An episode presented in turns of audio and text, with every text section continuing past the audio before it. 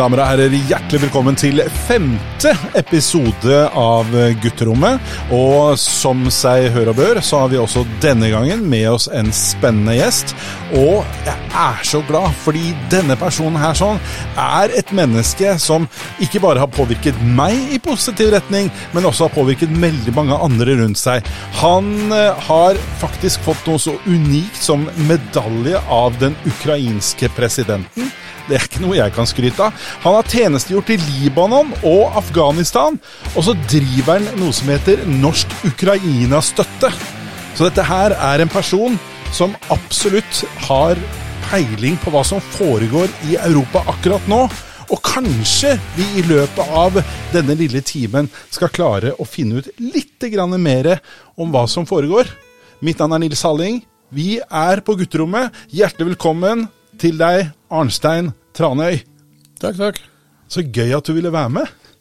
Jo, det var ikke noe problem, det. Du er en fyr som jeg syns du er så fascinerende, fordi du har lang erfaring som soldat selv. Og så engasjerer du deg for menneskerettigheter, du engasjerer deg for urettferdighet, du engasjerer deg for de som er rammet i Ukraina. Og dette er noe du har holdt på med kjempelenge. Mye lenger enn det vi andre liksom har vært bevisst på at uh, har vært en konflikt i Ukraina. 2014, ja. Siden 2014. Var det da det, den første, uh, det første angrepet kom? Ja, de tok Krim i uh, våren 2014. Og etter det så utvikla det seg videre. For det mange ikke vet, er jo det at eh, i Ukraina så har det jo vært mer eller mindre borgerkrig i en årrekke. De uh, ukrainerne vil bli meget, meget vrede på deg hvis du kaller det borgerkrig. Ja, Hva er det for noe, da? Det er et invasjon fra dag én. Fra russerne tok Krim. Det var en ren invasjon. Det kan ikke kalles noe annet. Nei. Og det de gjorde etterpå, var å utvikle krigen videre utenfor Krim. Men for, for oss som uh, sitter på sidelinjen her, og som kanskje ikke forstår så veldig mye av hva det er som egentlig foregår uh, Jeg har blitt fortalt av en person med russisk, altså en ukrainsk person med russisk bakgrunn, at det var en borgerkrig. Mm. Er det sånn at det, det er forskjell på hvordan de som har russisk bakgrunn, og de som ikke har russisk bakgrunn, ser på det som skjedde i 2014? Eh, I 2014 kan det nok ha vært at det var noen som var enig med det. Ja. Det, det, det, kommer litt an på hvor det var henne. Det var en del eh, Husk på det er grenseområder der. Eh, de som bodde der eh, Jeg bor der ennå, faktisk. De som har overlevd. De hadde jo russisk bakgrunn, de fleste. De var jo er, Man går langt tilbake i ukrainsk historie, men, men Sovjetunionen og Russland før det også hadde, hadde det med helt tiden byttet lokalbefolkning med russere. Okay. For å kunne styre områdene. Og det hadde de gjort også i grenseområdene i Ukraina. Så veldig mange lokale ukrainere hadde blitt bytta ut med russere. Men var det etniske russere som bare kom inn? Som ble flytta inn, ja. Var de flytta inn? Ja. Det er noe som blir gjort mye av. Men det er jo i utgangspunktet også en form for okkupasjon? da? I aller høyeste grad. Eh, men dette var veldig vanlig, eh, i hvert fall i Sovjetunionstiden. Okay. Spesielt under Stalin. Han flytta jo ut hele, hele tatarbefolkningen på Krim. Flytta det langt inn i Sibir. Og de kom jo ikke tilbake før på 80-tallet. Og nå er de stakkars jævlene igjen under russerne og sliter skikkelig. Ja, det skjønner jeg jo. Så, nei, dette Jeg kan ta et eksempel. Uh, I 2015 så jeg besøkte militæravdelingen der borte utenfor Mariupol. Uh, det lå rett øst for Mariupol. Der var, der var uh, krigen stoppa opp etter 2014. Og uh, vi var inne i Mariupol, og så de, de soldatene jeg støtta, de hadde et prosjekt med å hjelpe en skole som lå litt vest for Mariupol, hvis jeg husker riktig. Jeg er ikke 100 sikker på nøyaktig hvor han lå geografisk. Uh, og det var en, en ukrainsk by øst i Ukraina, et område som var helt russisk. Og hele byen har blitt flytta fra Vest-Ukraina dit en gang på 40-tallet av Stalin. Så De følte seg rimelig utafor, og fikk ingen støtte av det lokale styret for at de var ukrainere i en russisk område. Så det var ganske spesielt. Det blir jo nesten som om uh, man under krigen var nordmann midt i Tyskland. Ja, akkurat som man skulle tatt og flytta Flytta nordmenn, eh, putta det midt ned der. Ja. Det er eh, ganske absurd. Og det, men det er sånn det har vært i det gamle sovjetsystemet. Se på hele baltiske landene, hele eh, alle tre. Eh, grensa deres mot Russland, der bor det masse russiskætta. Og de ble flytta inn av Sovjetunionen. Og så flytta de bare ut i lokalet. Men tenker du at dette er, har vært Russlands måte å prøve å infiltrere Ukraina for å få det tilbake, eller har det vært eh, en annen Ja, agenda? Det, det er russifisering. Russifisering, ja. Ja, det er noe man drev, drev. Altså. Jeg er ikke så god på historien, den russiske historien før 1917, men eh, jeg forstår at det er ikke noe nytt. Nei. Det er en effektiv måte å ta over et landområde på, men på veldig langsiktig. Men russerne jobber veldig langsiktig. Ja, det er tydelig at de gjør det. Det er, hvis folk tror at, at de tenker til nesetippen, så tar de fryktelig feil. De har aldri drevet med det, de har alltid tenkt veldig langt. Men hva tror du drev Putin til den invasjonen som vi så for et år siden? Jeg er såpass opplyst om det temaet at jeg kan si med sikkerhet at det vet jeg ikke. Det er, det er eh, Jeg så en veldig god eh, eh, kommentar på det her i går, eh, på en eh, YouTube-kanal. Eh, nå står det helt stille for meg. Er per, Perun heter fyren. Han, han bor i Australia. Okay. Ekstremt god på eh, sine analyser av, av Ukraina-krigen. Ingen vet hvordan han ser ut. Han er den eneste YouTube-kanalen jeg vet om hvor han ikke viser ansiktet. Som han sier, Det har ingenting med han å gjøre. Det er hans analyser av situasjonen som er interessante. Han, skal, han lager én time lange YouTube uh, powerpoint-presentasjoner, kaller de det. Og eh, han sa rett og slett at eh, Putin invaderte pga. han har ja-mennesker rundt seg som fortalte Putin hva han ville høre. Og de fortalte han at det her kommer til å bli ikke noe problem. Det er tre dager. Så er Ukraina kommer til å ønske oss velkommen. Han har sannsynligvis trodd på det. For jeg mener, de militære visste vel sannsynligvis at det her kom til å gå til helvete. Mm. Men det er jo ingen som tør å si imot. De har jo systemer du ikke kan snakke imot. Så det er ikke plass hvis du, har, hvis du snakker imot systemet, så blir det bare, blir bare bytta ut. Så kommer det et ja-menneske istedenfor. Hele systemet fra korporalen og opp til generalen på toppen er eh, av den typen der. Men hva var det som gjorde at du, du fattet interesse for Ukraina da, i sin tid? Kvinnfolk. Oi. Nato-kurs i 2002, da jeg var på beredskapskontrakt eh, med Simic sivilt-militært samarbeid. Egen liten avdeling på 24 mann. Meget spesialisert, og det var en egen eh, greie innenfor Nato den gangen. Jeg vet ikke om de fins lenger engang.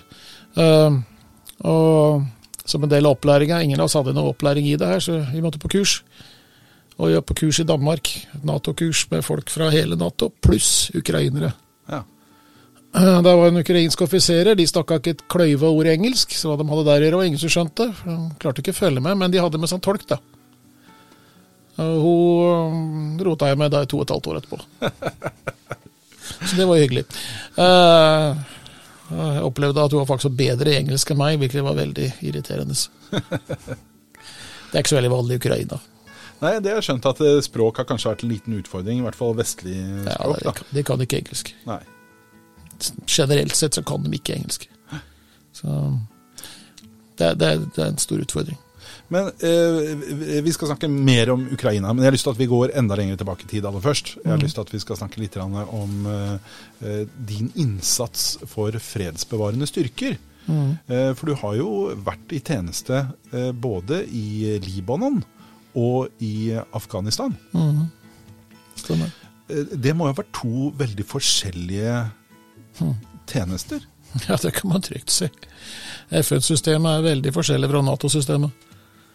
Det var eh, høyden av ineffektivitet mot eh, Jeg vet ikke hva jeg skal si om Nato, men det er i hvert fall på et helt annet nivå. Ja. Der eh, FN-systemet er uh, stappa fullt av For den gangen var det det. I dag vet du ikke. Men den gangen var det stappa fullt av masse sivilister som ikke visste hva de drev med. Okay. Så de var her for å fylle pengesekken. De hadde ikke noe interesse av, jobben. Og da snakker vi Libanon. Libanon. Men det, det, det var nok generelt fra alle FN-oppdrag den tida der. Så jeg håper det blir bedre. Men, Men det var, det var litt sånn nesten litt mote å reise av gårde på den tida. Ja, det var veldig vanlig å få. Ja. Så jeg vurderte det først. Jeg hadde ei runde, den gikk ikke så bra. Da, da ble jeg ikke med nedover, så da måtte jeg bli igjen i Norge. En del år seinere så prøvde jeg igjen, og da, da dro jeg ned. ja. Hvordan opplevde du det, å være der nede? Jeg tror de fleste av oss opplevde det litt sånn absurd. Du er, eh, du, du, du er som du sitter første rad uh, på en krig. Du er ikke en del av krigen, men den foregår helt, rundt deg hele tiden. For det er noen begrensninger i forhold til hvordan man kan uh, kjempe. Ja, nei, det er veldig, Som FN-soldat så har du veldig store begrensninger for å få lov til å gjøre det. Det er rules of engagement. Det er eh, veldig, veldig veldig strenge. Ikke skyt uten at noen omtrent har prøvd å skutte, altså. Var det situasjoner hvor du følte at uh, du var redd for å bryte de Nei, ikke, grensene? Nei, jeg, jeg hadde, ikke en, hadde ikke en jobb som satt meg i en sånn situasjon. Nei. Så jeg slapp unna det. Det var eh, Jeg var der i en stille periode. Og med stille periode, det vil si at det, hver eneste dag så ble det skutt på artilleri over huet på oss. Hver eneste uke så var det luftangrep over huet på oss. Så vi kunne sitte og se hvor de, hvor de eh, angrep. Det var, vi satt kan si vi satt en slags nede i en dal. Og det var mye fjell rundt. Og det var oppi disse fjellene de drev og angrep. Mm. Og vi, vi, vi så alt sammen. Men vi var ikke del av det. Så Det var- bare satt og observerte? ja. Altså, ingen skjøt på oss. Da, i hvert fall. Det har jo vært skutt en del norske FN-soldater av, av israelerne, men uh, der og den kontingenten jeg var i, så var det ingen som ble skutt. Nei. Men uh, det ble skutt veldig mye rundt oss, og det gikk med en del israelere mens jeg var der. I, i roadsides. Så ja, det var, ikke, det var ikke akkurat stille, men det var stille der vi var. Og eh, senere Afghanistan. Ja, Hva, hva, hvordan oppfatta du den store forskjellen mellom disse to oppdragene? Nei, det ene var fredsbevarende, altså FN-oppdraget. Da jeg var i Afghanistan, så var det vel ingen som visste egentlig hva det var. Så det var i hvert fall ikke fredsbevarende. Det var definitivt ikke det. Men vi hadde ikke noe fiende da jeg var der. For det var ikke noen uh, Taliban hadde ikke kommet kraftig på banen ennå. Så de var der, eh, men de var langt unna. Det var få av dem. og Selvmordsangrepene hadde ikke begynt. Vi hadde to selvmordsopp- selvmordsangrep mens jeg var der, og det var ganske, ganske lite. Så ble drept en britt og en canadier. Og så hadde vi en annen situasjon hvor det var en bil som gikk i lufta med tydeligvis en selvmordsbomber inni, for at han ble tatt til fange, og så putta dem inn i en politibil, og så kjørte jeg i gårde, og så gikk bilen i lufta. Ufta. De hadde ikke kontrollert den skikkelig, tror jeg. Nei, det er tydelig. Det gikk med fire mann der. Men det var afghanere. Så Men det var Jeg var der det var stille. og Da gikk det bare med to stykker. Så, men de hadde jo sprengt en buss på utsida av leiren vår før vi kom med en tysk buss. da. Jeg husker ikke hvor mange som gikk med der, men det var en del.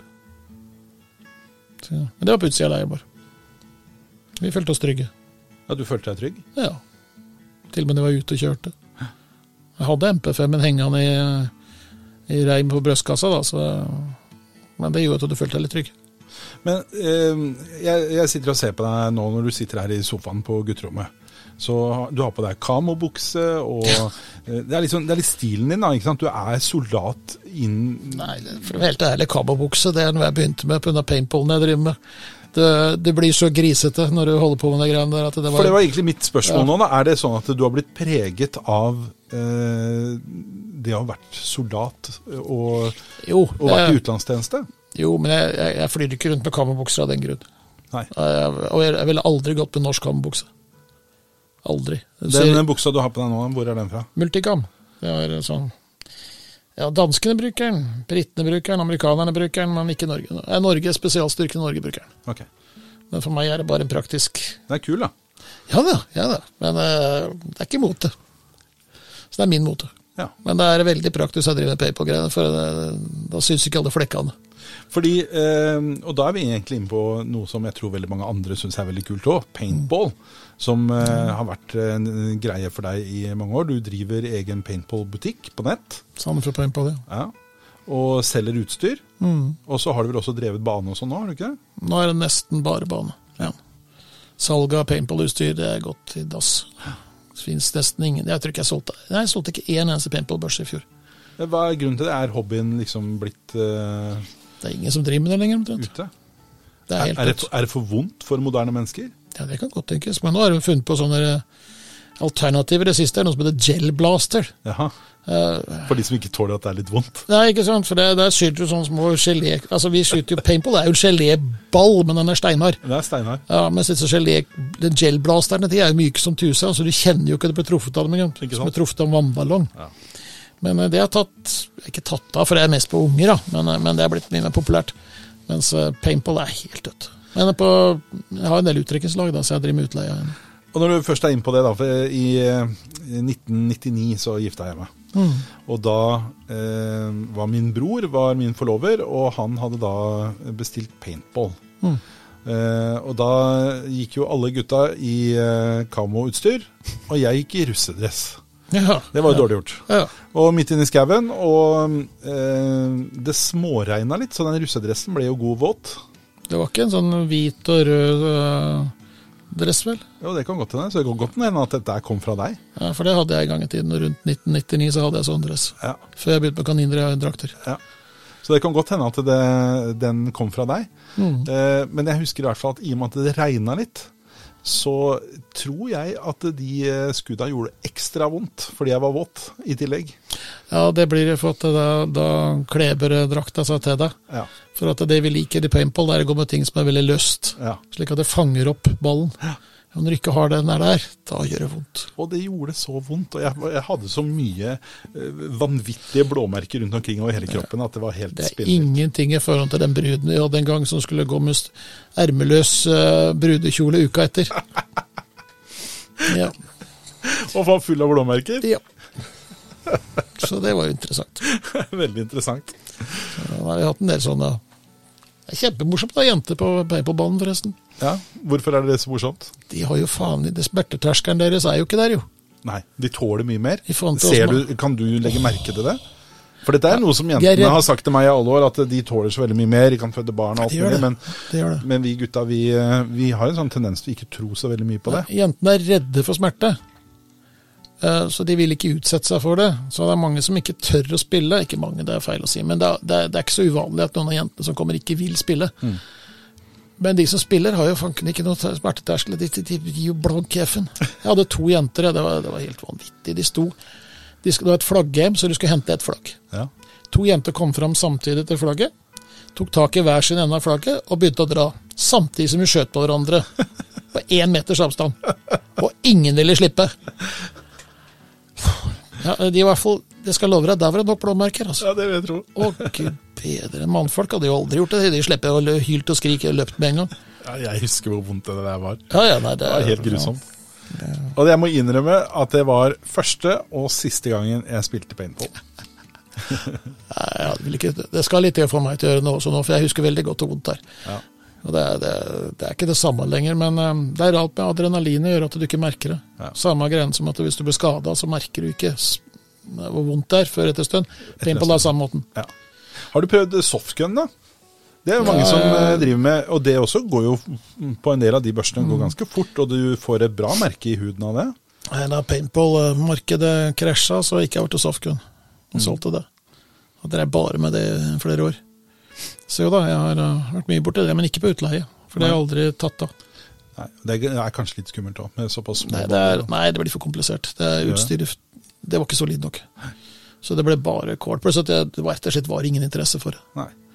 Så folk ville den gangen gjerne holde på med det sjøl, men de ville ikke leie det. Ikke så, det var ingen som ville ha det på utdrikningslag.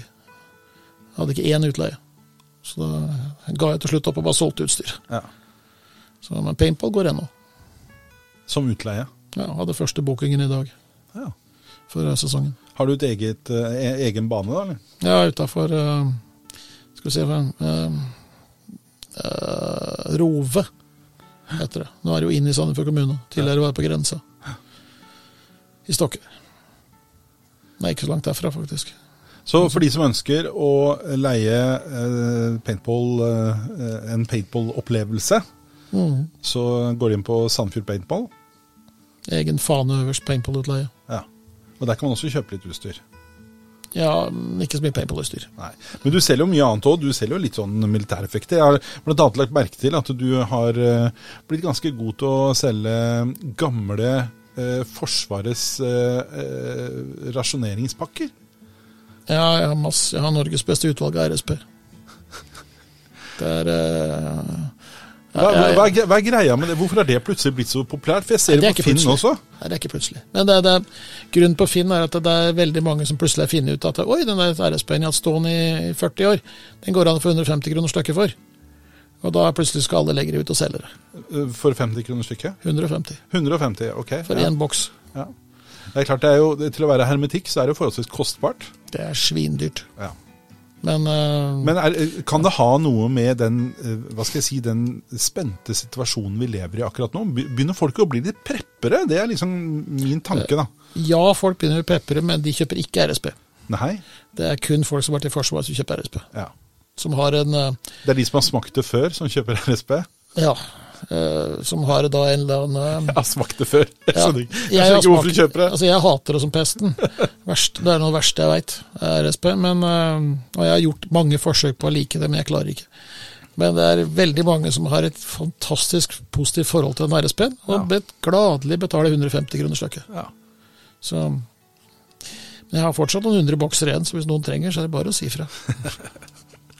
Men prepping. Vi lever Ja. jo i en eh, litt spesiell eh, tidsalder, føler jeg. Ja, jeg solgte noe Jeg solgte alt jeg hadde av gassmasker i fjor, og alt jeg hadde av filter til gassmasker. Og det kan ingen påstå at det var noen som plutselig fant ut at gassmasker var moro å samle på, for det var ikke. Det var preppere. Enkelt og greit. Folk trodde at det skulle bli en eller annen form for tredje verdenskrig. Men til og med myndighetene går jo ut nå og sier at folk må passe på at de har nok vann, og at de har så og så mye i tørrmat og forsyninger liggende klart. Ja, jeg, jeg, Til og med kontanter skal du ha liggende. jeg har jo jeg har vært styremedlem i Sandefjord Forsvarsforening i mange år. Jeg har vært veldig, opp, veldig mye fokus på akkurat de greiene der. At mange møter om det greier. Men det var plutselig ikke, det var ikke, det var ikke populært, og plutselig så, så endra alt seg i fjor. Eller vil si under koronaen, egentlig. Da, da plutselig skjønte folk at uh, prepping var kanskje ikke fullt så gærent likevel. Det er En viss beredskap må man ha. Har du preppa? Jeg er ingen prepper, men jeg er realist. Ok. Så jeg gikk faktisk ut og kjøpte meg en svær sånn vanndunk i fjor. Mhm. Eh, For øyeblikket står den tom, for jeg glemmer hele tiden å fylle den opp. Men hva, hva er svær vanndunk i din Nei, verden, da? 20 liter. Okay, Det er ja. stort. Ja. Til å være, de fleste klarer seg med 5 liter. Ja. Så jeg var litt større, men jeg, den skal jo bytte oss på vannet hele tiden, så jeg glemte å fylle den opp igjen. Så jeg, jeg er ikke noen god prepper. Nei. Men, eh, og jeg har jo da sagt RSP nok til å holde i hvert fall et år, hvis man klarer å ete av det. Så, men eh, jeg, jeg vet hva man skal ha, og jeg Men- vet at jeg har det. Men hva er ditt råd, da? For du som har litt erfaring både fra eh, at du har vært i krig, og du har drevet mye med eh, militært utstyr, og du kjenner kanskje verdenssituasjonen, i hvert fall situasjonen vi har nå i Europa, kjenner du bedre enn de fleste andre. Hva er ditt råd til den jevne nordmann som ønsker å være litt forberedt på hva som kan skje? Du kan ta utgangspunkt i det som skjer i Ukraina, for der eh, kan man trygt si at de som preppa, de var godt forberedt, og de som ikke preppa, de fikk et problem. Eh, det er jo ikke alt det er jo ikke alt det som står på en lista til prepping som du trenger. For eksempel, det er, de fleste trenger ikke mye mat og drikke liggende. Men eh, Ukraina fant de veldig fort ut at hvis ikke du har noe utstyr til å koke maten din på som ikke var, gikk på strøm, så hadde du problem. Eller på gass der, for de bruker mye gass også. Jeg, har jo sett at folk eh, de har de, de lager hermetikkbokser, tomme hermetikkbokser, som de fyller med stearin og setter veke for å sende ned, til Ukraina for å, å koke mat på. Stemmer. Jeg tenkte jeg skulle begynne med det i Sandefjord nå. Jeg har uh, engasjert noen fra Torøs fort, for de har drevet med det her lange, lange tider, til å komme til Sandefjord og vise de eh, ukrainerne her hvor de skal lage det. For det de der de boksene der, eh, merkelig nok, skulle ikke tro det var, hadde fungert så veldig bra, men de gir både varme og kokemuligheter på en sånn enkel hermetikkboks. Så det skal jeg Ja, jeg har begynt å samle hermetikkbokser hjemme. Det er jo ganske smart, da. Og de fleste har jo en del eh, stearinstumper eh, liggende, som man kan smelte ned også. Ja. Det, for du trenger begge deler. Så der har man ett godt utgangspunkt. Jeg liker jo det tipset ditt om å tenke på hvordan skal du mm, liksom lage maten din og koke vann og sånt noe. Det er et bra tips. Er det andre tips du tenker at uh... Eh, kjøp et aggregat. Så enkelt å ha diesel til det. Eller bensin, hvis du har bensinaggregat. Det, det er det ukrainerne nå skriker etter. Jeg, har- jeg har kjøpt så mye aggregater og andre med meg at det er ikke noe for kjøpt akkurat nå. Men, Nei, for det eh, blir, det blir solgt unna det som er. ja, men eh, i mars så kommer det inn mer. Nå er vi i mars snart.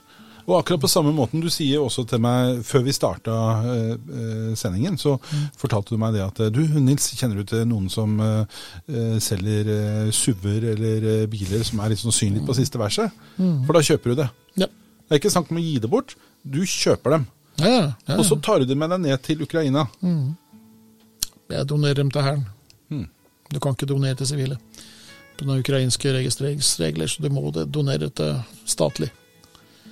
De har eh, fryktelig dyre biler i Ukraina. De har Skattereglene der nede gjør at det er nesten umulig å importere.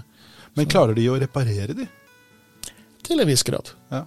Til en viss grad. De får tak i deler og Igjen til en viss grad. Ja. Det kommer an på hvilken modell det er, og hva det er som er gærent. Og, men det, det er ikke noen bank på bil, ordentlige bilverksteder i Ukraina, men de ligger ofte på feil plass. Ja.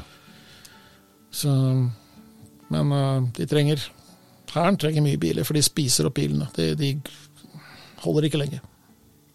Det er derfor ikke jeg vil ha noen dyre biler, for de, de varer ikke lenge. Nei, ikke sant. Så De rister i stykker, går i stykker, blir blåst i filler. og det, det, en del ting fra, fra himmelen der som ikke er helt trygt å få i huet. Og Det er lett å hoppe ned i skyttergrav, men bilen kan du ikke ta med deg ned i skyttergrava. Så om du overlever, så overlever ikke bilen.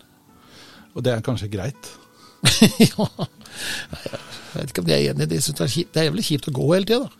Det skjønner jeg jo veldig godt. Men eh, jeg har jo, vi er jo venner, eh, har vært venner i ganske lang tid, og jeg følger deg også på Facebook. Eh, og du reiser jo ned til Ukraina innimellom. Det er ikke så lenge, det er lenge siden nå, men Men sist du var nede, så eh, sendte du en del bilder tilbake. mm. Og lot eh, oss andre som sitter på sidelinjen, få egentlig et inntrykk av realiteten der nede. For det er, jeg må nesten si det så hardt og brutalt, da, at det er realiteten. Mm. Eh, og det var ganske sterke inntrykk du viste. Ja, da jeg fløy litt på noen stridsvogner hvor det var satt russere inn igjen òg. Og det var, hadde stått der en stund, så Nei da, det var eh, Det er ikke vakkert syn. Nei, det er ikke det. Folk som er brent opp, som sitter fast. Det tok meg en stund før jeg så at det var folk inni der. Ja. Det var ikke så mye igjen av dem. Hvordan eh, oppfatter den jevne ukrainer disse, hva skal jeg si, eh, etterlatenskapene? Med avsky. De hater russerne. Mm. Det er ingen medlidenhet. Fins ikke. Den, er- den forsvant. Kanskje litt i begynnelsen, men den er vekk. Det er ingen medfølelse for russere lenger. Uansett hvem de er. Putin sa jo det at eh, de soldatene, i hvert fall i første runde, som angrep for et år siden, var eh, spesialstyrker. Var det det? Ja. De som ikke de, i, Altså ikke alle. Det er absolutt ikke, men de som gikk inn mot Kiev, var det. Mm. De som ble stående fast i køen? de som ble stående fast i køen, ja. De, kameraten min har hus i Butsja. Det var der eh, så langt de kom. Og, eh, det har han hatt. Og Jeg har vært og besøkt han helt siden 2014, eller 2015. Og, så jeg vet veldig godt hvor det smalt rundt omkring der. Jeg var jo tilbake der i fjor eh, påska. Mm. Det var der vi så etterlatenskapene. De hadde jo slåss rett på utsida av døra hans. Nabohuset var brent ned. og de hadde, Russerne hadde brent det ned. Det var høl i veggen hans etter en granat som hadde gått tvert igjennom. Eh, I gata utafor hadde de stryket med en hel bunch med russere som ble tatt i en slags form for bakhold. Men da jeg var her, så var det ingen rester igjen. Det var høl i veggen. Og nedbrente hus og det var der, men eh, alt resten ellers var borte. Stridsvognene de står godt stykke utafor, de som jeg fant. Så de var samla sammen. Men eh, nei, Butsja, det var uh, Uff, ja, det var, det var Det var ille, det som skjedde der. Jeg tror de regna med at det var flere hundre som ble drept, men ikke mer. Men Tallet har jeg ikke hørt, men det, det, vi snakker en by på størrelse med Sandefjord. Mm. Så Det var verste tallet jeg hørte, oppi i 1500 som skulle vært drept. Men jeg vet ikke om det stemmer. Men mange hundre var det iallfall. Og de likene lå jo i gatene. En eh, kjenning av meg, Ole Morten, eller Ole Morten, Morten Jentoft i NRK, var jo der. Rett etter at russeren trakk seg ut. Mm. Og filma. Der lå jeg likene i gata. Måtte kjøre sikksakk mellom lika. Mm. Og det husker jeg. Det tror jeg de fleste som har sett det, husker. Mm. Så, ja, det var de gatene jeg var i litt etterpå. Det er rimelig brutalt. Ja. Krig er brutalt. Krig er brutalt, men når man ser på disse spesialstyrkene til, eh, til eh, Putin Ja, det gikk ikke så bra med dem. De som tok rotta på dem, det var eh, lokale heimevernsfolk. Ikke sant? Hvor, hvorfor tror du det skjedde? Nei, for de forsvarte hjemmet sitt. De hadde jo ikke noe utstyr. Hadde knapt våpen. Og de tok rotta på folk som kom, men eh, de hadde litt flaks da for disse her eh, VDV, heter det. Eh, det er eh, jo fallskjermstyrker. Mm. Eh, Panserkjøretøyene deres er blekkbokser. Du kan nesten skyte gjennom en nage. Det er bare tynne greier, så de hadde flaks. Det skulle ikke så mye til for å stoppe de vognene. Mm. Så de klarte det. Tror du eh, russerne er redde for de tyske eh, stridsvognene som kommer nå? Det bør de være. De kommer an på hvilken modell det er. Eh, De som Norge gir, de er jo gamle. Men eh, vi, gir, vi, gir altså de, vi har de eldste modellene som er av Leo i bruk. Mm. Leo 2. Men eh, jeg husker veldig godt at i fjor så var det en årlig eh, stridsvognkonkurranse i Nato. Hvor også svenskene og finnene har vært med. Eh, og de som vant i fjor, det var det norske laget. Med de eldste vognene. Mm. Så det er ikke bare utstyret. Nei, noen ganger handler det litt om hvordan du bruker det også. Ja. Og det er jo litt, eh, litt der også de lokale heimevernsgutta i, eh, i Ukraina faktisk klart seg så bra. da. Mm. At de veit hvordan de skal bruke utstyret sitt. Ja, det var vel heller det at de hadde ingen planer om å la russerne ta over. Du vet, For mange år siden så var det en øvelse her i Vestfold som het Blue Fox. Den var- husker sikkert du godt. Jeg var med. ikke sant? Og på den tiden, så Jeg er jo litt yngre enn deg, så jeg var en ungdom på den tiden. Og veldig mange av mine venner de var med i Heimevernsungdommen. Ja, det var jeg også en gang til. Ikke sant? Og eh, denne, i denne store Nato-øvelsen Blue Fox, så kom det jo da eh, profesjonelle Navy Seals og alt mulig sånt noe fra eh, Amerika, eh, og inntok Norge.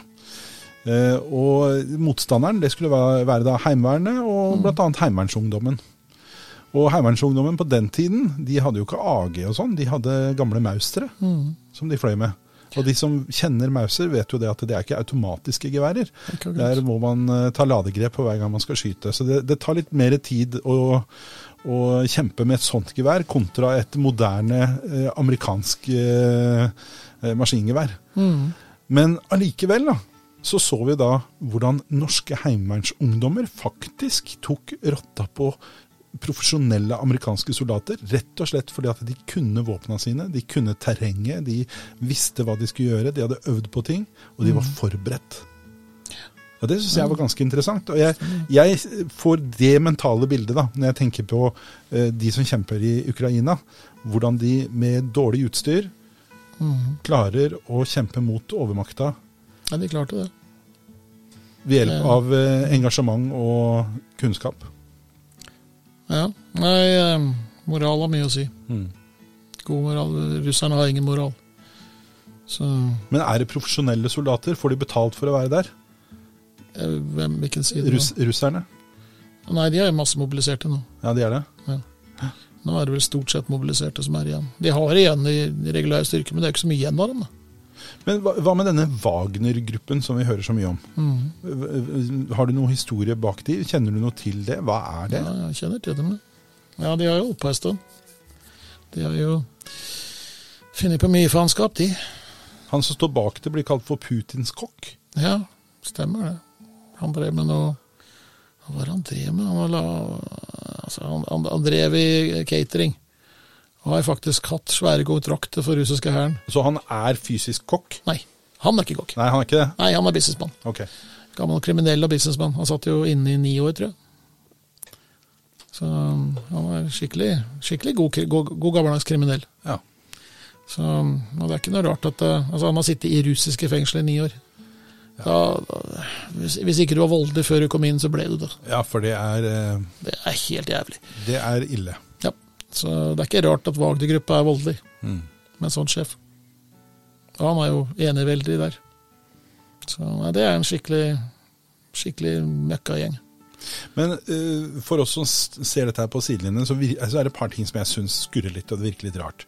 Fordi Uh, russerne på sin side sier at uh, de kjemper mot uh, nazismen i Ukraina, og, og mener at presidenten og hans menn er nazister. Men så ser man på hva russerne fysisk gjør, og så minner det veldig om eh, sånn nazistene faktisk angrep og eh, tok land på 40-tallet. Jeg syns de som lurer på det, kan se intervju med, med min eh, leieboer Nadia på 88, som opplevde den tyske invasjonen i 1941. Og så den eh, nye invasjonen fra Sovjetunionen i 44. Jeg kaller det invasjon, for de var ikke snille. De drepte folk. Og så igjen opplevde da russerne nå i, i fjor. Og hun sa i beste sendingstid på TV 2 på søndag at uh, det var verre enn når tyskerne kom. Mm. For uh, russerne dreper mer folk enn tyskerne gjorde. Så Det er ganske det er tøft. sjokkerende å høre. Ja, det kan man trygt si. Men det er ikke så mange igjen som kan huske det her. Hun var vel eh, syv år da tyskerne kom. Mm. Hun husker det godt. Faren hennes eh, han forsvant på den tida der. Han var en russisk soldat, eller sovjetisk, får vi kalle det. Så han eh, sloss mot tyskerne de første dagene og ble borte. Jeg tror ikke de veit hvor han ble av. Så hun husker veldig godt krigen. Men uh, dette, dette er verre. Det sier mye. Det sier veldig mye, og det er, eh, det er noen vanvittige historier som, som kommer nå, etter hvert som flyktningene også kommer til Norge. Ja. Så får vi høre mye av dette på veldig nært hold. Eh, og du som engasjerer deg så mye som du gjør, jeg syns jo det er veldig veldig imponerende at du gjør det. Og jeg håper jo at så mange som mulig vil hjelpe. Hva er det store behovet akkurat nå? Penger.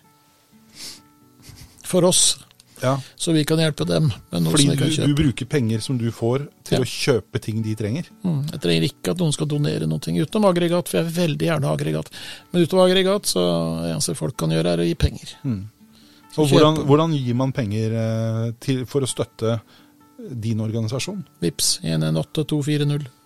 118240. Vi skal legge ut det på Facebook-siden vår også. Mm. eh, Sånn at de som har muligheten til å hjelpe, de kan hjelpe. Mm. Og eh, Det snakkes stadig vekk om at eh, sånne penger de forsvinner masse i administrasjon. Mm. og alt mulig sånt. Nå Kan du fortelle litt hvordan dere håndterer den biten her? Altså, vi har jo Da har jeg snakka med veldig mange som driver i samme greia som jeg gjør. Som har holdt på nå siden altså De fleste har ikke holdt på lenger enn et år, da, men ja, de har vært mye inn og ut i Ukraina og sett mye av det som skjer der nede. Fra alle steder over hele Ukraina. Alle sier akkurat det samme. Hvor er de store organisasjonene? Ingen ser dem. Ingen hører noe til dem. De er veldig flinke til å sitte her hjemme i Norge og skryte av hva de gjør. Men på bakken så ser de dem ikke. Så jeg, det eneste jeg har hørt, er at de har sett noen. Og de har oppholdt seg ganske langt fra fronten og bodde på fine hoteller. Ja. Mens eh, de som driver som, som frivillige som jeg holdt på, de kjørte i skranglete biler og bodde der de fikk mulighet til å overnatte. Det var ikke noe budsjett for å overnatte. Så um, små foreningene, de er små. Vi kom først, og vi er lengst framme. Nå snakker jeg på vegne av alle som driver i det greiene her, som er seriøse. Jævla mange useriøse ute går, altså. Men eh, alle vi som driver såpass seriøst at vi har laga organisasjon, som du kan finne i Brønnøysund når du slår opp. Er det sånn vi som hjelper kan definere hvem som er seriøs Ja. og hvem som ikke er Helt seriøse? klart. Helt klart. Ja. Bør vi se til et organisasjonsnummer, da? Ja. Jeg klarer ikke å ta det seriøst, de som ikke har brydd seg med det. Det er ikke mye komplisert, det koster ingen penger. Men det gjør at du må, opprette, eller du må tilfredsstille visse kriterier. Og det må du gjøre skal du drive seriøst i det greiene her. Du kan ikke drive fly rundt som en sånn gjeng med privatpersoner. Altså. Nei, det, det blir jo fort at uh, man kanskje mister litt kontrollen over pengene, og, Ja, ingen kontroll. og da mister også folk uh, tilliten til at pengene går Ja. til det de skal gå til. Ja, I tillegg så har du da Det er svindlere ute og går. Jeg veit om flere ja, som har benytta seg av de greiene her. Mm. Og de benytter seg av det fordi det er mulighet til å lure folk til å gi penger til hvem som helst. Mm. Men eh, ja, gi penger til de små, absolutt. Du får ti ganger mer igjen for pengene som blir gitt. Men de må være såpass seriøse at de er organisert. Det må være en organisasjon, det skal ikke være en privatperson. Mm. Så hvis en privatperson samler inn til Ukraina, så vil jeg si at hopp over og gå til neste. Det er så mange som samler inn, det er så mange seriøse, gode formål. Hopp over i privatpersonene, og fortell dem heller at du går rundt og organiserer deg heller. Men når du eh, eh, samler inn utstyr og alt det som du donerer ned til Ukraina, Ukraina, hvordan eh, får du frakta det ned dit? Nei, jeg slutta å samle inn ting som tar mye plass nå. For du, du kjørte jo lastebiler Ja, ja, ja. litt tidligere. Sykler og inntil invasjonen i fjor så var det seks år med humanitær arbeid. ja. Jeg støtta nesten ikke de militære. Jeg begynte med de militære, og så var det behovet var ikke der lenger. Det ble jo en statisk krig, hvor det var skyttergraver og ikke noe artilleri. og det var liksom, De skjøt om skudd en gang iblant, og det ble drept noen få i løpet av et år, men ikke mange. Det var, det var rett og slett en frossen konflikt. Mm. Og behovet var ikke så stort. Vi hjalp litt, det gjorde vi, men det, det var ikke så stort. Men, eh, så det var seks år med frakting av eh, stort sett rullatorer og rullestoler på, på trailer. Men uh, det stoppa i fjor. ja. Jeg, jeg tok inn de første rullatorene nå forrige uka. Det er ett år siden sist. Så ja, vi har ikke noen store planer om å sende flere trailere. I tillegg til nå har det blitt umulig å få tak i trailere. Så det var lett før. Nå er jeg hører med de andre som fortsatt sender sånt nå, de, de får ikke tak i trailere. Men du har også sendt eh, eh, ambulanser og eh, brannbiler nedover? Sendte tre ambulanser i 2015. Jeg har ikke klart å få tak i noen siden. Og så hadde vi en hos oss som var brannmann. eh, Etter hvert pensjonert. Og han eh, sto for alt det branngreiene. Han var veldig engasjert og sto jo på og sendte jo to kolonner med brannbiler til Ukraina. Og så ble det vel til det at etter det, etter, det var påsketider i fjor, da var jeg meg sjøl ned og leverte brannbiler. Da ble vi ganske klart enige om at eh, ja, kanskje, det er bedre, kanskje det er bedre med en hyggelig skilsmisse. Og så laga de egen forening. Ja. Det var eh, Brannfolk er skikkelig hyggelige folk, men eh, det var ikke så lett å være med der hvis ikke du var brannmann. Nei, ok. Så jeg fant ut at eh, Vi fant ut mm, den på samtidig at veldig hyggelig at de laga egen forening. Ja. Så da er vi heller venner, som det er nå. Så nå dytter jeg alt brannmessig over til dem. Så noen som kommer og gir noe til meg som er brannmessig, så får de det. For jeg har ikke noe system for å, for å sende det ned. Så de har sendt seks kolonner siden. Ambulanser, da? Nei, det fins ikke. Er ikke mulig å oppdrive? Nei. Det er, eh, jo, så masse penger kan du sikkert kjøpe noen, men da er de ribba. Jeg vil ikke ha dem. Nei. For du trenger mer utstyr i, eller? Ja, hvis ikke så er ikke det en sekk. Da kan jeg like gjerne kjøpe en eh, kassebil. Ja. Det er ikke noe forskjell på det. Jeg har hatt noen av de der, eh, eller jeg har borti noen av de ribbambulansene. Men hvor får man en komplett ambulanse fra? Sjukehus. Ja, For det er jo ikke noen privatpersoner som sitter med noe Nei, sånt. det fins ikke. Sykehus, Røde Kors.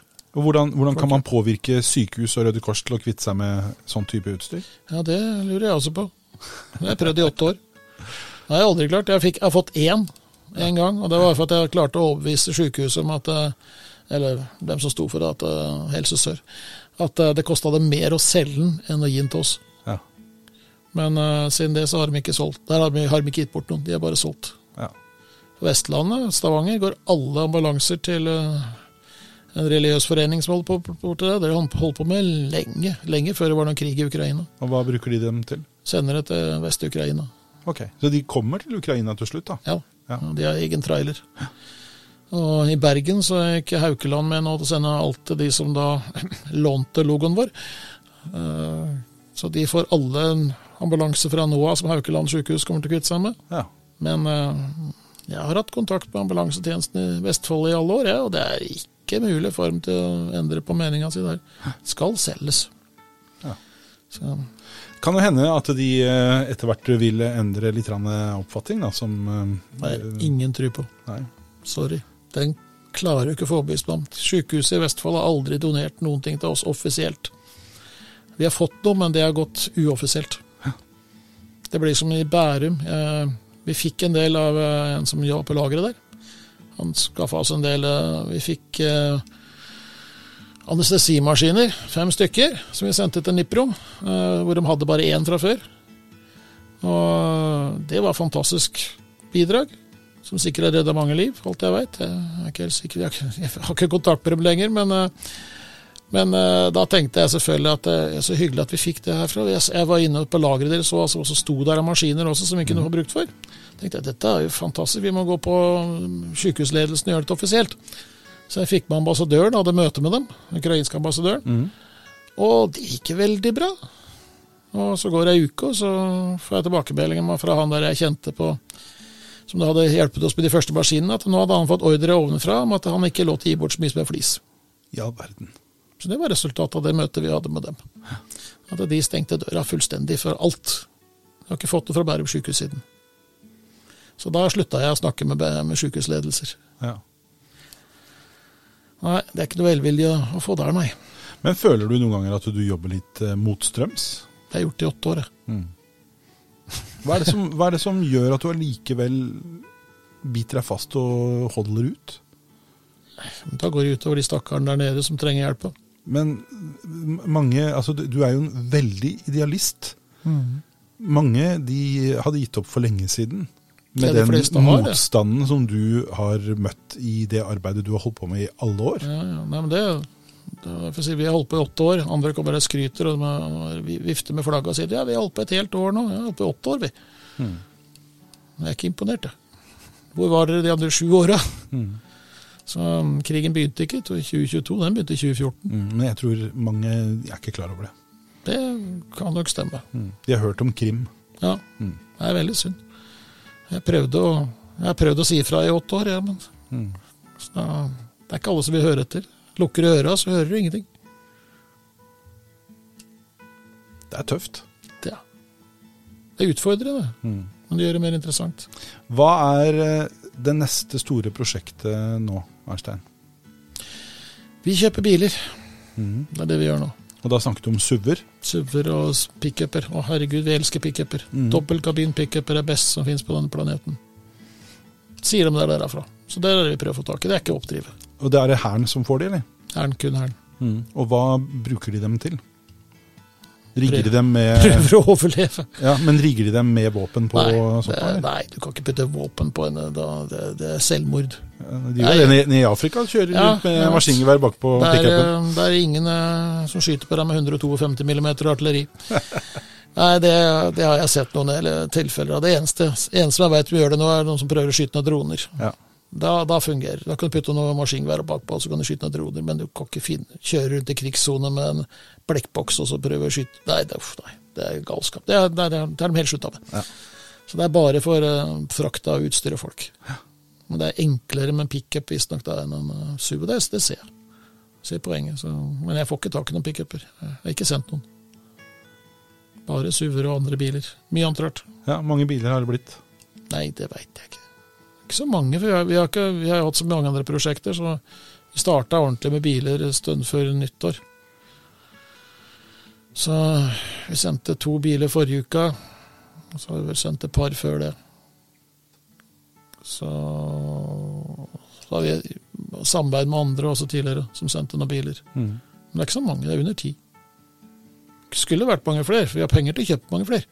Men det hjelper ikke når det ikke er noe å få kjøpt. Så det er, det, er ikke, det er jo ikke pengene det står på her. Nei, du, du sa til meg du betaler markedspris. Ja. Så det er jo, vi kan jo rette en liten forespørsel ut uh, til de som hører på også.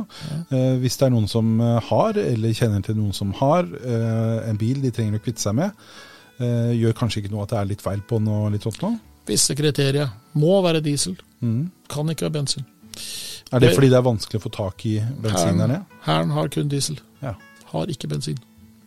Så det går ikke. Eh, Så må det være, helst være en rammebil, for de tåler mer juling enn en litt sånn mindre sånn SUV-lignende by-SUV. Det, det er ikke det mest egnede. Nei. Så Og når du sier rammebil, kan du gi noen eksempler på typiske rammebiler? Pajero, Land Grendevagen. Grendevagen. Mm. Firehjulstrekker i den størrelsen der. Mm. helt ned til det siste vi har sendt til nå, som tydeligvis blir flere av. Suzuki XL7 Grand Vitara. Ja. Som jeg ikke ante var rammebil, men det er det. Hmm. Så den ser ikke ut som en typisk sånn offroader, men den er, den er det. Den er tøff. Hmm. Så ellers alt av, pickuper, firehjulstrekker pickuper, det er rammebiler alt sammen. Så alt sånt er interessant. Så bra. Hvordan tror du dette kommer til å ende, Arnstein? Hmm. Det er ingen som veit. Det er så mange utrolige eh, muligheter at eh, jeg slutta å gjette. Det er ikke noen som veit. Tror du det kommer til å prege oss i Norge eh, mer enn det det gjør i dag? Kommer til å prege vår generasjon. Hva med neste? Hva med neste der igjen nå, tenker jeg. Det er eh, Er dette vår andre verdenskrig? det er nærmest vi kommer til å komme. Mm. Det er jeg overbevist om. Det, noe, det er ingen som har noe tro på at det blir en større konflikt. Altså veldig, veldig, veldig usannsynlig. Men den her er stor nok. Syns jeg, i hvert fall. Og den preger jo hele Europa. Ja, hele verden. Hele verden. Ja, I hvert fall langt mer enn du skulle tro. Mm. Så nei, det er nok Det er vår store konflikt. Så, så lenge den varer, og det kommer til å bli en stund til. Arnstein, Mm. veldig spennende å høre. Eh, Du, har vanvittig mye kunnskap rundt eh, Ukraina og det som foregår i verden akkurat nå. Jeg setter utrolig pris på at du satte av tid til å komme hit sammen med oss i dag. Vi skal forlate det alvorlige temaet. Mm. Og så skal vi bevege oss over på kanskje noe som er litt mer lystbetont. Eh, Jeg har allerede advart deg litt på forhånd. Mm. Jeg har sagt til deg at det skal være en liten quiz, Ja. og den kommer nå. Og da er det sånn at eh, alle som er gjester her eh, på gutterommet, de skal få muligheten til å svare på noen spørsmål fra et eh, genispill som er så gammelt at det er helt tilbake til år 2000. Og Det vil si at spørsmålene er i stor grad fra 80- og 90-tallet. Og jeg har en bunke med kort her, og nå skal du få lov til å trekke to kort. Sånn. Der har vi to kort. Da kan jeg få de kortene. Sånn. Du, ellers så blir det jo til at du sitter og ser på svara. Det skal jo ikke du gjøre. Eh, og eh, det er jo sånn at alle som eh, har vært her, de har også svart. Så vi har en sånn wall of fame. Eh, på toppen der finner vi Terje, som fikk fire poeng av tolv spørsmål. Så jeg tenker jo som så at eh, her er det muligheter for å kunne gjøre det bedre. Hva vinner jeg for noe? Du vinner eh, heder Ære. og ære. Jeg tenkte meg det. Er ikke det fint? Vi liker det, ikke sant? Jo. Ja. Så eh, nå skal jeg eh, gjøre klar til eh, quiz. Og Arnstein, vi begynner med første spørsmålet. Hvilket land er Helvetia? Sveits. Helt riktig. Da må du få en sånn. Yay. Bra. Hvilket land forbinder du med diktatoren eh, Getulia Vargas? Ingen anelse. Chile? Nei. Du var i hvert fall på eh, riktig banehalvdel, holdt jeg på å si. Det er Brasil. Ah. En film fra 1959 handlet om en romersk gladiator og fikk elleve Oscar. Hvilken film sikter vi til? Ben Hur? Yay. Veldig bra. To poeng. Hva het de tre sønnene til Bibelens Adam? Pass. Og det er Kain, Abel og Seth. Ja, det bomma på uansett. Ikke sant? Hvordan døde Eddie Cochran? Overdose? Har ikke peiling. I en bilulykke. Okay. Hva får du når du blander de to metallene kobber og sink? Messing? Nei. Ja, ok. Bra jobba. Enda godt. Da har vi mange poeng har vi nå? De teller ikke. Tre poeng. Yay. Tre poeng. Veldig bra. Eh, og da var vi gjennom eh, det første kortet. Vi begynner på kort nummer to. Hvilken fugl er det bilde av på flagget til Mexico? Mexico, ja. Uh, Roadrunner? Kunne vært. Kunne Kunne vært. Men det er faktisk en ørn. Ørn? Ok, ja, det er det selvfølgelig. Når du sier det, så husker jeg det. Hva heter Norges første nynorske teater? Norske teater. Det er helt riktig. Yay. Fire poeng. Yay. Nå ligger du tangert i ledelsen med Terje, Så stort. og vi har fortsatt flere spørsmål igjen. Hvilket yrke hadde Heathcliff Huxtable i den populære amerikanske TV-serien som hadde premiere i 1984? Gud, jeg så jo på den, men Du vet hvilken serie vi snakker om? ja, altså, Det er langt bak i minnet mitt, men det er langt tilbake, det. Lege. Vet du hva? Den får du for. Han var fødselslege, og serien het jo da The Cosby Show. Jep. Fem. Og han sitter inne i dag. Det gjør det. han eh, ironisk nok var interessert i mer enn bare fødsler. Ja, Kanskje interessert i det som skjedde før. veldig. ja. eh, hvem var statsminister i Norge da det ble invadert av tyskerne 9.4.1940? Det er helt utrolig at man klarer å få, få jerneteppe. Nå Nå tror jeg du har jerneteppe, for denne her den eh, forventer jeg at du skulle svare ja, det, veldig raskt på. det, det, det har du fullstendig rett i. Jeg fikk jerneteppe. Ok, Jeg må be om å få et svar. Pinlig. Da får du feiltone på den. Mm. Johan Nygaardsvold. Ja, selvfølgelig. Mm. Stå helt stille. Vi har to spørsmål igjen. Mm. Du har fem poeng. Yay. Hvilken kjent sangerinne forbinder du med gruppene Big Brother og The Holding Company og The Cosmic Blues Band? Ok, Jeg sa at det var to ting jeg ikke kan svare på. Det er sport og musikk. Janis Joplin. Ok, da hadde Kjent navn, da. Ja, det er Ja, sant. jeg tror ikke jeg hadde klart Ja, å svare på den heller. Nei, det var ingen peiling. Ok, Siste spørsmålet til Arnstein Tranøy. Rødnebbternen Ok. Ja, det er mye peiling på, skjønner du. Ok, Vi prøver en gang til. Ja. Rødnebbternen er den trekkfuglen som årlig foretar den lengste flyturen. Hvor går ferden? Afrika. Men skal du være av land, eller? Ja, Fra til. Marokko. Ja, la oss si fra Norge til Marokko. Antarktis. Antarktis. Ja, Ganske lang flytur. Ok, den hadde jeg ikke peiling på. Men eh, uansett, da. Arnstein, du har klart fem av Yay. tolv. Og det, er, det høres ikke så veldig mye ut. Nei. Jeg hører du er ikke sånn superentusiastisk, men her hos oss Ikke husk av Nygårdsvold, da. Piden. Her hos oss så er det i hvert fall rekord. Og eh, du havner da på topp på Hall of Fame i gutterommet. Eh, så den som har klart mest per nå. Program fem og fem poeng. Yay. Det er vakkert, er det ikke det? Mm. Vakkert. Storartet. Det har vært eh, veldig, veldig interessant å ha deg med.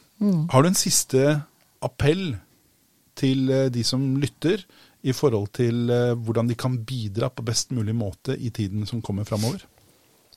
Først er ikke glem Ukraina, ikke glem krigen. Ikke tro at den er rå bare for ikke du leser om det i avisen eller hører om det. På TV. Den stopper ikke sånn. Det er ikke sånn det fungerer. Krigen fungerer, går like kraftig for seg hver eneste dag nå, selv om du kanskje ikke hører om det. Og så er det at man bør bidra der man kan. Alle kan gjøre noen ting. Og nå vet jeg også at eh, eh, vi, vi kan forvente flere flyktninger. Bare lokalt her i Sandfjord så snakker vi vel nå om en 250 personer. Hva, hva kan vi gjøre i forhold til dem? Det er faktisk ikke så veldig mye for at det systemet tar vare på dem. Jeg veit jeg har jo to flyktninger hjemme. Så Men kan vi, kan vi eh, bidra på en eller annen måte ved å eh, å si, gi dem en god velkomst, eller integrere dem på et eller annet vis? ja, de kommer til å trenge veldig mye midlertidig bosted til dem. Mm. Som eh, privat, sånn som jeg har gjort. Ok. Det, for det fins ikke noe sted å legge dem. Det, og, og flyktningmottak det er ikke noen plass å være på. Nei. Det er, det er bedre å åpne opp døra hvis du har et ledig rom eller to. Og så slipp dem inn. Uh, integrering utover det, det ja. Vet du hva, det er um, viktige ting vi har snakket om i dag. Og jeg hater å måtte avbryte det, men vi har én time til disposisjon. Arnstein, Det har vært en ære og en glede å ha deg med på gutterommet. Takk. Tusen takk til alle som lyttet. Eh, følg med på Facebook-siden vår, så får dere litt mer info om hva vi har snakket om i dag. Ha en fortsatt fin uke.